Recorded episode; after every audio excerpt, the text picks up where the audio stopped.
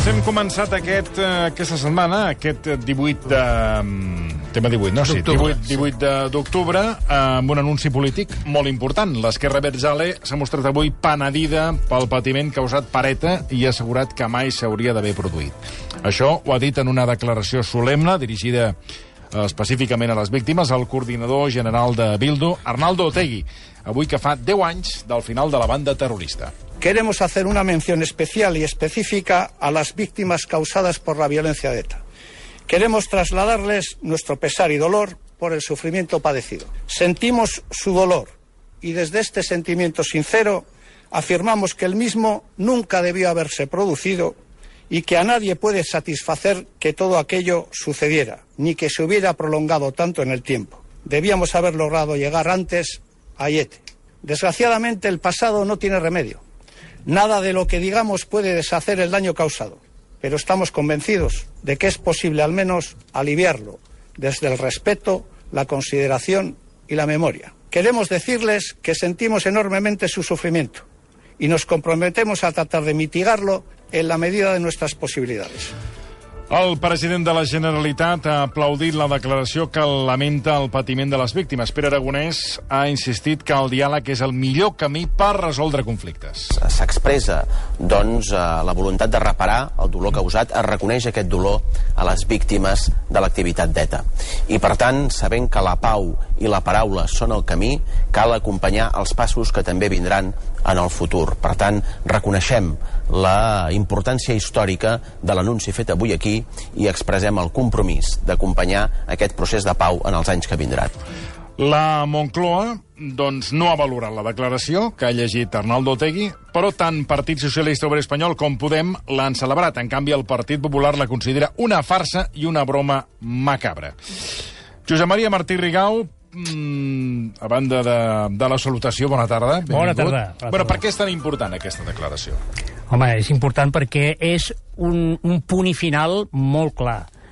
Ja sé que fa 10 anys que varen abandonar les armes, etc. En aquest tipus d'organismes, or- eh, organitzacions terroristes, etc, costa molt, és, és, és molt lent i molt feixuc. Ta, eh, al, al, al final de, la, de dels processos aquests, entregar les armes, lliurar-se... Demanar perdó és el punt final, final, no? Dues vegades. Simbòlicament és molt important. I a més a més també és important perquè això passa poques vegades. I per això encara hem de valorar més que hagi passat aquí. Pas, passa molt poques vegades. He estat repassant quan m'he entrat a la notícia i, i jo he, només he, he vist 4 o 5 casos, segurament n'hi ha més, eh? Eh de, així, de, de, de, que s'hagi demanat públicament perdó, perquè és que és molt, molt, molt poc usual. Per exemple, Tony Blair va demanar perdó per la guerra d'Iraq mm, 12 anys més tard, 12 anys més tard. Els bisbes bascos, aquí això sí que és un preludi del tema d'Euskadi de, i que, que pot anar lligat amb lo d'avui, els bisbes bascos i navarresos, el 2018, o sigui, fa 3 anys, van demanar perdó perquè l'Església Catòlica havia estat en ocasions, en fi, havia mirat cap a un altre cantó amb temes d'ETA, mm, en els quals hi havia una col·laboració activa o passiva eh, per part de part del clero basc. I a l'IRA, per exemple, mm, va demanar perdó només a les víctimes civils. Ells consideren que estaven fent eh, era, Irish Army, no? era l'exèrcit republicà irlandès que lluitava contra l'exèrcit britànic. Ara, hi va haver-hi morts tangencials, mor- morts civils. Van demanar només perdó pels civils. Això va ser l'any 2002.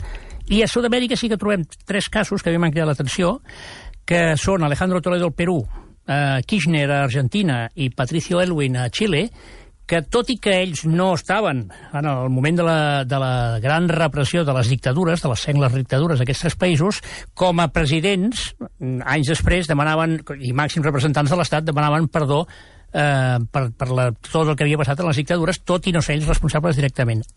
El que més m'ha cridat a mi l'atenció és qui va demanar perdó juntament amb el president argentí Kirchner, que és el cap superior de les Forces Armades argentines. Va demanar perdó per tots els desapareguts. A veure, és com si aquí, en fi, el director general de la Guàrdia Civil demanés perdó pel que va passar en Chau Rondo. Jo no, francament, no ho veig, no ho veig. Mm. Eh, però tots aquests actes de, de tothom, eh, són uns actes de, de, de grandesa i que s'han de, jo crec que s'han de valorar en la seva justa mesura. I si, no sé si, si has vist la pel·lícula My Shovel, Sí. eh, en fi, interpretes bastant com està la situació i, i lo important que és que es facin...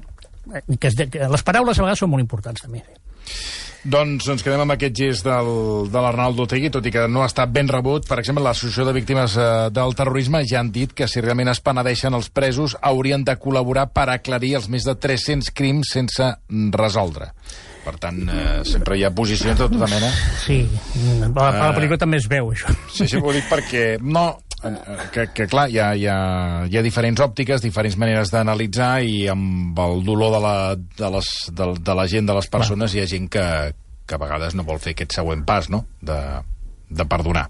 Em, em, em permets una, una frase, només és una Sí, sí. frase d'Enrique Echeburua, que és catedràtic de Psicologia Clínica de la Universitat del País Basc. En unes jornades que van fer va dir una frase que, ostres, eh, diu, literalment, si l'ofensa... Eh, no, diu, sense perdó no hi ha present, ni tampoc hi ha futur.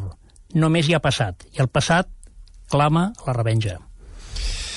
Josep Maria, anem a abordar altres qüestions perquè tenim molta teca i poc temps. Aquest cap de setmana s'ha fet el Congrés del PSOE, que ha servit per recosir el partit i aparcar diferències històriques. Només cal veure la foto Zapatero, Felipe González amb Pedro Sánchez, els tres junts. El president espanyol va tancar el Congrés reivindicant l'esperit socialdemòcrata del PSOE amb la voluntat d'ampliar el seu espai cap al centre. De fet, la bandera de la socialdemocràcia va ser una constant. Sánchez ho va repetir una trentena de cops. Se llama socialdemocracia. Ser socialdemócratas por ser socialdemócratas. Ha sido una respuesta socialdemócrata. Desde la socialdemocracia. La socialdemocracia. Aquellos que hablan de la socialdemocracia. Bé, a banda de la fotografia que comentàvem, Felipe González, eh, amb Felipe González i Zapatero, el Congrés fins i tot ha comptat amb la presència de Susana Díaz, que podríem dir que és la candidata del partit que ha acabat, ha anat a parar amb una via morta i amb molt poc futur polític. Sí, sí, perquè a més... Això el- que era la, la, banda, la protegida del, de la parella, entre ells de Felipe De González. Felipe, de Felipe, sí, sí. No, no, i la, la, la gran rival, a més, en el sí, sí. tradicional feu I tant. fort, que és Andalusia. A les últimes eleccions per encapçalar el partit a Andalusia va perdre davant d'Espades. Sí, sí, Espada, sí, sí, a l'alcalde de, de l'Ajuntament de Sevilla. Exacte, i això ja va ser el, en fi, la, la, la derrota final. I en aquí hi va anar. No es va exhibir massa, però sí que hi va anar, i eh, vaig llegir que algú la va, li va... unes declaracions i tal, i l'únic que va dir és Pedro quería que estuviéramos todos i aquí estoy. Eh, és, és, a veure, mm, atenció a en Pedro, Di, en Pedro Sánchez, perquè és- dues vegades ha estat políticament mort. O sigui, el partit ha perdut, eh, eh, castigat per totes bandes. I la seva capacitat de resistència, atenció, és que és extraordinària. Sí, sí. És extraordinària. I, Estic aquí, totalment d'acord amb tu. I aquí, no parlo de capacitat, parlo de... cap- de, De, sí, sí, de resiliència, quan, És- és està, brutal. quan està pràcticament fora... se n'en surt, se n'en surt. I a la búlgara, com es deia abans, el 95% dels vots a favor de l'executiva que ell va presentar i de les seves propostes. 95% dels vots que encara, encara se li pot donar la volta. Només, només un 1% de vots en contra, perquè 95 a favor i 4 d'abstenció.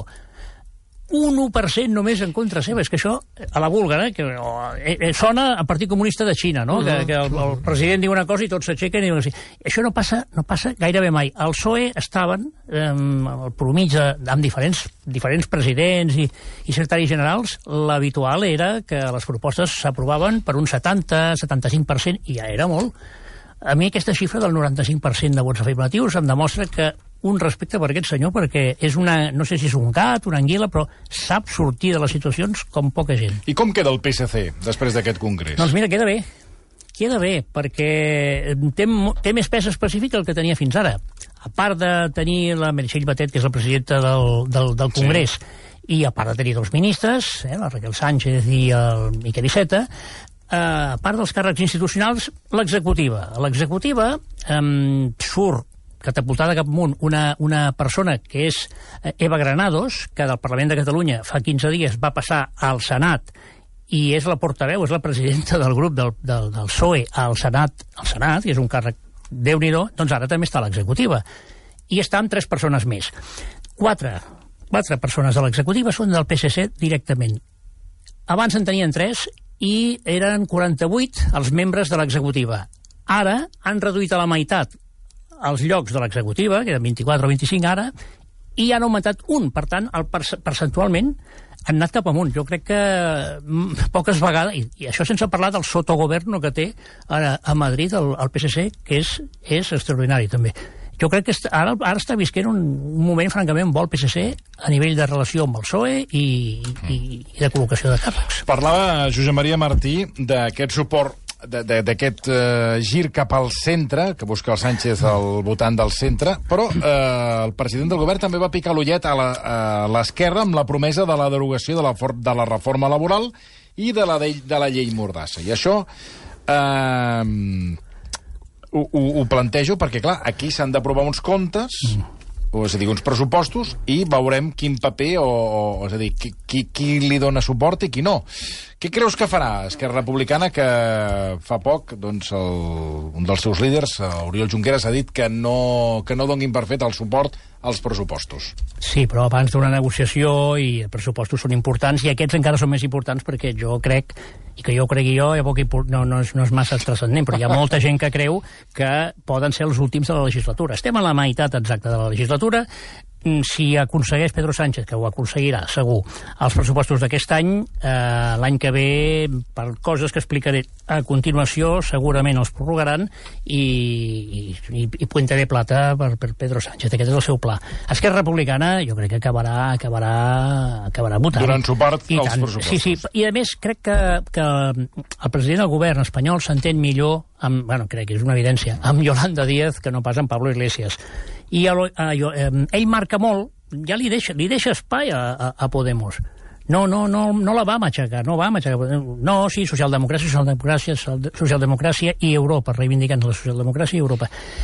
Per tant, di, escolta, l'esquerra, esquerra queda per, per Podemos, eh, per vosaltres, però li fa la picada d'ullet que són aquests, aquest parell de temes, i algun altre que hi haurà segur, mm, de dir, no, però farem, eh, farem aprovarem una part, que sí, determinades coses que a l'esquerra més radical li pot interessar, i jo crec que d'aquesta manera ho té, ho té bastant, bastant controlat, i que hi haurà pressupostos, vaja, estic convençut. I em deies que potser són els últims pressupostos? Sí. És a dir, per què? A veure, eh, l'any que ve 2022, sí, no? l'any que ve, el 2022, eh, té una planificació, ell té una planificació, Pedro, Pedro Sánchez té una planificació claríssima. Les enquestes van, sí, ajustades, que si el PP està a 3 punts, a 4, depèn de qui fa la- l'enquesta. Si ell sap que si arriba a, a, mig, a mitjans de l'any que ve, a les segones, al segon semestre de l'any que ve, amb, amb aquestes distàncies, ja no té problema. Per què? Perquè ara li toca, durant l'any 2022, li toca a Espanya ser, eh, acollir eh, tot eh, l'OTAN. Eh? És, la, és la seu de, de l'OTAN, això és rotatiu, i de la Unió Europea també. Doncs eh, veurem, durant unes quantes setmanes, líders internacionals, eh, Pedro Sánchez liderant, parlant, fent entrevistes a Anglaterra, Estats Units, etc. Per una banda. I l'OTAN és el preludi el, el, Sant Cristo gros de la processó és a l'any següent, a l'any 23, que és quan toquen fer les eleccions, que durant un semestre li toca a Espanya ser eh, president, la presidència de la Unió Europea. I aquí sí que veurem a Pedro Sánchez a Madrid rebent a Biden, rebent al, al president Serà, alemany... serà la seva gran campanya electoral. Sis mesos, eh? Això dura sis mesos. És la seva... Això és el que ell té pensat. A veure, no, no és una crítica, perquè és que això ho fan tots. Ho ha fet l'Aznar, ho ha fet el Felipe González, ho han fet Sí, tots. sí, bueno, és política. Sí, política és les cartes. Sí, quan et toca... Mm. Clar, Sí, eh, aprofites. El, mira el gran error, el gran error que va cometre amb una desfilada un dia de la Hispanidad el José Luis Rodríguez Zapatero, que ho ha lamentat sempre, que quan va, estaven, estava convidat un, un, una companyia de, de l'exèrcit americà, no recordeu això? Sí, sí, sí. Amb la bandera, i, Sí. i quan va passar la bandera nord-americana ell va seure. Li van fer gruar, els americans, li van fer gruar que no està escrits. Per tant, eh, excepte aquest lapsus de Zapatero, tots els presidents han aprofitat, és política i és màrqueting i és imatge. Per tant, aquesta és la, probablement, si a la negociació dels pressupostos, els propers, eh, no, no, no aquests, no els d'aquest any, els de l'any 20 23, ha de eh, suposar una erosió i ell va del tema de la, del protagonisme de l'OTAN al superprotagonisme que tindrà el 23 eh, amb el tema de la Unió Europea mm, es prorrogarà. L'últim any de les legislatures no és, no és estrany que es prorroguin la, els pressupostos. Bueno, canviem mm, de qüestió i anem amb, el, amb aquest serial que tenim a Catalunya entre Junts per Catalunya i Esquerra, serial inacabable i que dubto que s'acabi, com és tradició en la nostra història. El Tribunal de Comptes dijous va rebutjar els avals de l'Institut Català de Finances, cosa que estava més que cantada, que havia impulsat en aquest cas la Generalitat. L'independentisme ja ha abonat, atenció, els 5,4 eh, milions d'euros de, de fiança, una suma que surt de les aportacions d'Esquerra Republicana i de Junts per Catalunya, el dipòsit d'alguns immobles i el poc líquid que quedava a la caixa de solidaritat. Tot plegat, què ha passat? Doncs ha provocat el que passa sempre. Un nou enfrontament entre els dos socis de govern. Esquerra Republicana i Junts s'han tornat a tirar els plats pel cap. Primer, els republicans asseguren que abonaven els diners que calia per ajudar els represaliats com Carles Puigdemont i després Junts acusant Esquerra de partidistes.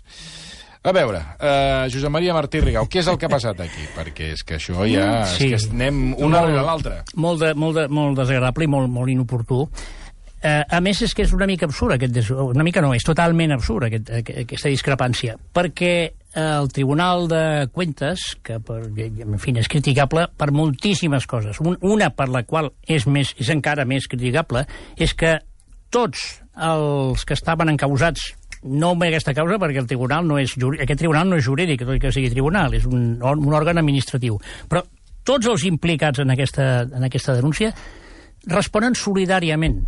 solidàriament. O sigui, això de dir, no, és que amb això pago eh, la fiança de Carles Puigdemont o la de Raül Romeva, és que això no, no, no va així. És que tots són solidaris. Tots són solidaris. Tots O sigui, de fer de càrrec del, de la o sigui, resta. sí, exacte. Sí, Entre tots s'ha de pagar. entre tots s'ha de pagar. I si tots posen un euro, a l'últim és responsable del 5 dels 5,4 milions. Per tant, és una mica... És una mica no, és totalment absurd. Eh, jo crec que aquí es va, va haver-hi precipitacions i nervis, i esclar, estan, eh, sempre es miren d'aquesta manera, tan, la pell tan fina, Avui, per això ja he sentit eh, líders d'Esquerra i, i Ercertà dir dient, home, això, demanem disculpes perquè realment vam... Estàvem molt nerviosos, estàvem molt nerviosos perquè així, va, agafar, va agafar per sorpresa a tothom la decisió del Tribunal de Cuentes, eh, però hi- em consta que la Moncloa tampoc els hi va fer cap gràcia, però no poden controlar-ho. És increïble, això, no? I, i realment eh, semblava, semblava, per això anat tan de pressa, semblava que en qüestió de, de, de, de dies, si no hores, podien eh, executar-ho tot, no?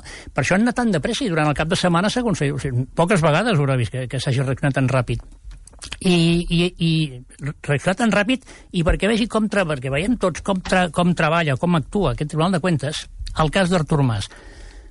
Artur Mas ja va ser, ja li van embargar el Sí. pis del carrer Tosset Sí, sí, sí. pel 9-N. Després va haver-hi eh, un, un, una caixa de resistència i es va aconseguir la quantitat aquella i es va anar al Tribunal de Cuentas i va dir, miri, aquests diners, eh, no cal justificar que venen de la caixa de resistència. Aquí tenim els diners, tinguin. Molt bé, doncs en el moment oportuno procederemos a levantar el embargo. No sé com està ara, però fa un parell de mesos encara no l'havien aixecat. I estem ah. parlant del 9-N, eh? I com és això? Ah, però va així el tema. El, el, o sigui, això perquè vegi un exemple dels molts que podríem dir d'aquesta gran menjadora, d'aquest gran pessebre, gran porta giratòria que es diu Que, Tribunal per de cert, Cuentas. en- ara, eh, amb l'acord PP-PSOE, hi, ha hagut, hi haurà canvi al Tribunal de Cuentas. No sé fis- si a millor o a pitjor. Mm, jo crec que igual, No, no, perquè no. Ah, igual, el canvi hauria de ser conceptual. Un organisme que té 600 eh, treballadors i 150 són família entre ells i que eh, tots són eh, el cunyau, l'hermano, el primo, la dona de Federico Trillo, to, tots aquests que estan allà, eh, s'ha de canviar el concepte. Mm, canvi de cromos, jo crec que molt, molt no canviarà. Però bueno, ja, ja, ja ho veurem, potser sí, potser sí. Doncs realment això, això de l'Artur Mas és, és veritat. Però bueno, i no es podia, per què no es podia? Perquè hi haurà gent que dirà, bueno, per què no es tornava a fer una caixa de resistència? Primera, per la qüestió de temps, i segona, perquè és que en els últims anys ja n'hi ha hagut dues. Aquesta seria la tercera. Esclar, arriba un punt que, que la gent, per molt conscienciada que estigui, sí, sí. diu, ja no, ja no arribo. Ja, exacte, ja, ja en però, prou però crec que s'ha parat, el, parat el cor. El Escolti, abans d'acabar, eh, el proper dijous s'ha convocat una manifestació a la plaça Sant Jaume que serà mm, com una mena de tret de sortida d'una campanya eh, podríem dir que és una campanya antialcaldesa o una campanya eh, per intentar moure a diferents, eh, en fi, diferents sensibilitats a, a la ciutat de Barcelona amb una plataforma que es diu Barcelona Imparable. Qui, qui aglutina aquesta plataforma i què és el que vol aquesta plataforma on hi ha un nom que de cop i volta en fi, la gent ha començat a conèixer el que és el de Gerard Esteve. Qui és Gerard Esteve? Bé, en el món de l'esport era conegut perquè fins ara era el president de, de la Unió de Federacions Esportives de Catalunya i Gerard Esteve és una persona que té 37 anys i que és hiperactiu i que està a molts llocs, a molts llocs i, i, i que es mou, no? que es mou molt. A veure, a Barcelona només has de parlar amb la gent i detectar una mica que hi ha un cert eh, xup-xup, mm, o més, Tot i que Parada Colau, en una entrevista a l'Ara, aquest diumenge deia que no, que, que està igual que sempre i que sí. està al mateix sí. nivell que sempre. Però la percepció general, agafes un Sí, taxi, bueno, la percepció, escolta... Sí, la percepció és catastròfica, però Exacte. Parada Colau no. I Aleshores, pels seus tampoc. Aleshores, el Gerard Esteve, en el seu dia, a part de la Unió de Federacions Esportives de Catalunya, i el violí, perquè ell des dels 3 anys toca el violí. Ah, carai. Sí, sí, sí, sí, i ha estudiat a l'estranger, etc. Ell, ell anava per músic. Que ara li ha, anava li ha agafat el, Sí, el gust a la Colau. sí, sí, Sí, ja, sí, sí. No toca el violí. Ella sí, ella en toca molt. sí. I aleshores, eh, en Gerard Esteve mm, va reunir un grup de gent, amb, va, crear una plataforma, abans de l'actual, eh, abans de Barcelona Imparable, que es deia Barcelona Futur, Barcelona Futur mm, per parlar de temes de Barcelona, ciutadans, per expressar la seva... I en aquí hi havia gent eh, es- escoltem perquè són noms molt coneguts i molt, molt eh, eclèctics, no? Mira, per exemple, Gabriel Gené, és l'amo de la Mallorquina, Sí. la Mallorquina tiene fama, no? I, I és el president de la patronal dels eixos comercials. Anna Boza, que és advocada, Neus Bonet, periodista, i Sona Passola, mm, de, cine, de cinema, Josep Sánchez Llibre, president de la patronal, el doctor Bonaventura Clotet, Mercè Conesa, és l'alcaldessa de Sant Cugat i president de la Diputació, Sor Lucía Caram, que, bueno, aquesta sempre apareix en un lloc o un altre, què, què, què, què volia aquesta Barcelona futura? Doncs eh, expressava la preocupació, això estic parlant d'un parell d'anys enrere, eh? La preocupació per Barcelona, la degradació, la brutícia, en fi, el, el, que, el que parla la gent, no? I ara això ha anat avançant, ha anat avançant, i, eh, a veure, ara ja s'ha... mm, Aquests noms que dic pertanyien o són de l'òrbita de- de- d'aquesta- d'aquest think tank, no?, Mm, de, Ge- Gerard, de Gerard Esteve. No vol dir que en aquesta que possible candidatura a l'Ajuntament de Barcelona, que és el que sembla que vol Gerard Esteve, vagin aquest, tots aquests noms. Això, això no, simplement que és, és el nucli dur que va La començar. pinya, són la pinya. La pinya. I, eh, aleshores, eh, tenen tres, tres, tres objectius, o, o tres punts bàsics. No els hi agrada la gestió de Colau, no els hi agrada eh, no els agraden els partits, especialment en, l'àmbit municipal de Barcelona, mm, com ho porten els partits tradicionals, i creuen que la discussió en aquests moments, d'aquí a, a, a, mitat, al mes a la primavera de l'any 23, d'aquí un any i mig, una mica més, doncs eh, hauria de ser una discussió molt més social, molt més ciutadana, que no tan ideològica. I sí, ara Gerard Esteve, que és independentista, diu, mar marcarà un perfil més independentista. I simultàniament en aquests eh, s'està, sembla que s'està organitzant el. I, i volen que sigui Santi Vila el, el, el, cap de llista doncs amb, amb el, les persones que venen de l'exclusió, el, Big, el Big Bang que va haver-hi a Convergència i Unió en el seu dia, allà va quedar gent com l'Àngels Chacón per una banda, Marta Pascal, el germà Gordó, Fernández Teixidor... Doncs tots aquests, Astrid Barrio, tots aquests, uns quants d'aquests, mm. també voldrien presentar una llista i estan intentant convèncer Santi Vila perquè l'encapçali.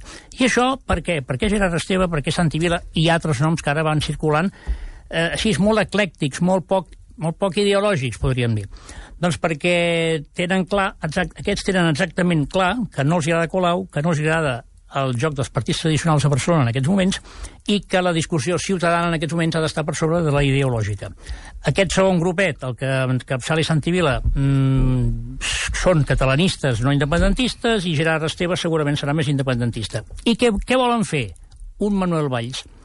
Un Manuel Valls vol dir que Valls, amb quatre, amb quatre regidors, va condicionar l'Ajuntament. Va, va fer alcaldessa Colau. Vol dir que l'objectiu no és guanyar les No, eleccions, és sinó tenir a tres o quatre que siguin de decisius. que siguin decisius. Perquè pensem que les properes eleccions, Ciutadans ja, ja no s'hi compta.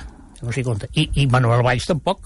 Això vol dir mm, 7 o 8 eh, llocs, com a Sí, mínim, però que s'han d'omplir. el votant, el votant de Ci- Ciutadans i de, Ah. i de Valls no votarà Gerard Esteve, eh? perquè amb el perfil que m'ha fet, vostè diré que diu Mm. No. que no, no són ideològics. Home, si em diu que és independentista, ideologia en té. Santi Vila... Sí, però la campanya eh, no la també. farà. No, la, fan, la campanya no serà amb estelades. Sí, home, però, però Sí, la campanya no la faran amb estelades, Sí, sí, però, sí. però a veure, l'oposició no es xupa el dit, és a dir, Ada Colau dirà, escolti, eh, és que estarem una altra vegada amb el mateix, no és una candidatura transversal d'independentistes i no independentistes perquè parles amb la gent de Barcelona i hi ha gent que vol un canvi i la volen tant uns que són independentistes com que no. Hi ha gent que vol un canvi perquè està Sí. cansada de la manera de fer d'Ada Colau, tot i que Sí, sí. eh, anirem a unes eleccions i després veurem què és el que decideix la gent. Ara, No va guanyar, eh, les últimes. Sí, sí, no va guanyar, però Però se va sumar, va sumar. Exacte.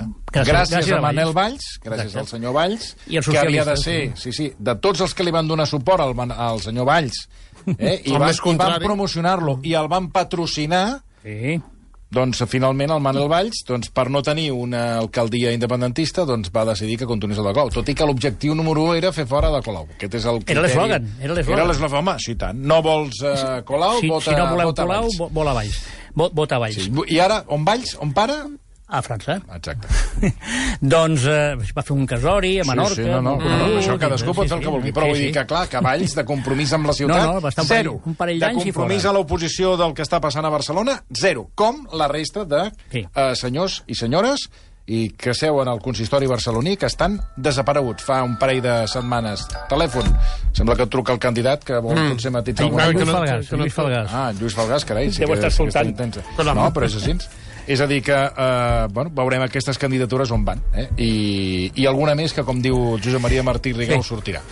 Ho deixem aquí, que estem fora de temps. Són les 6 i 8 minuts. Dos minuts i després el repàs a l'actualitat del dia i ens espera Marc Giró. Entre d'altres coses, ens parlarà del Premi Planeta. ah, un milió de- de- d'euros, us podré... Bueno, milió d'euros i la polèmica que ha portat... Eh, en fi, que ha generat el pseudònim dels guanyadors, eh, Ah. el de Carmen Mola. N'està al cas, vostè? Mola de Franco.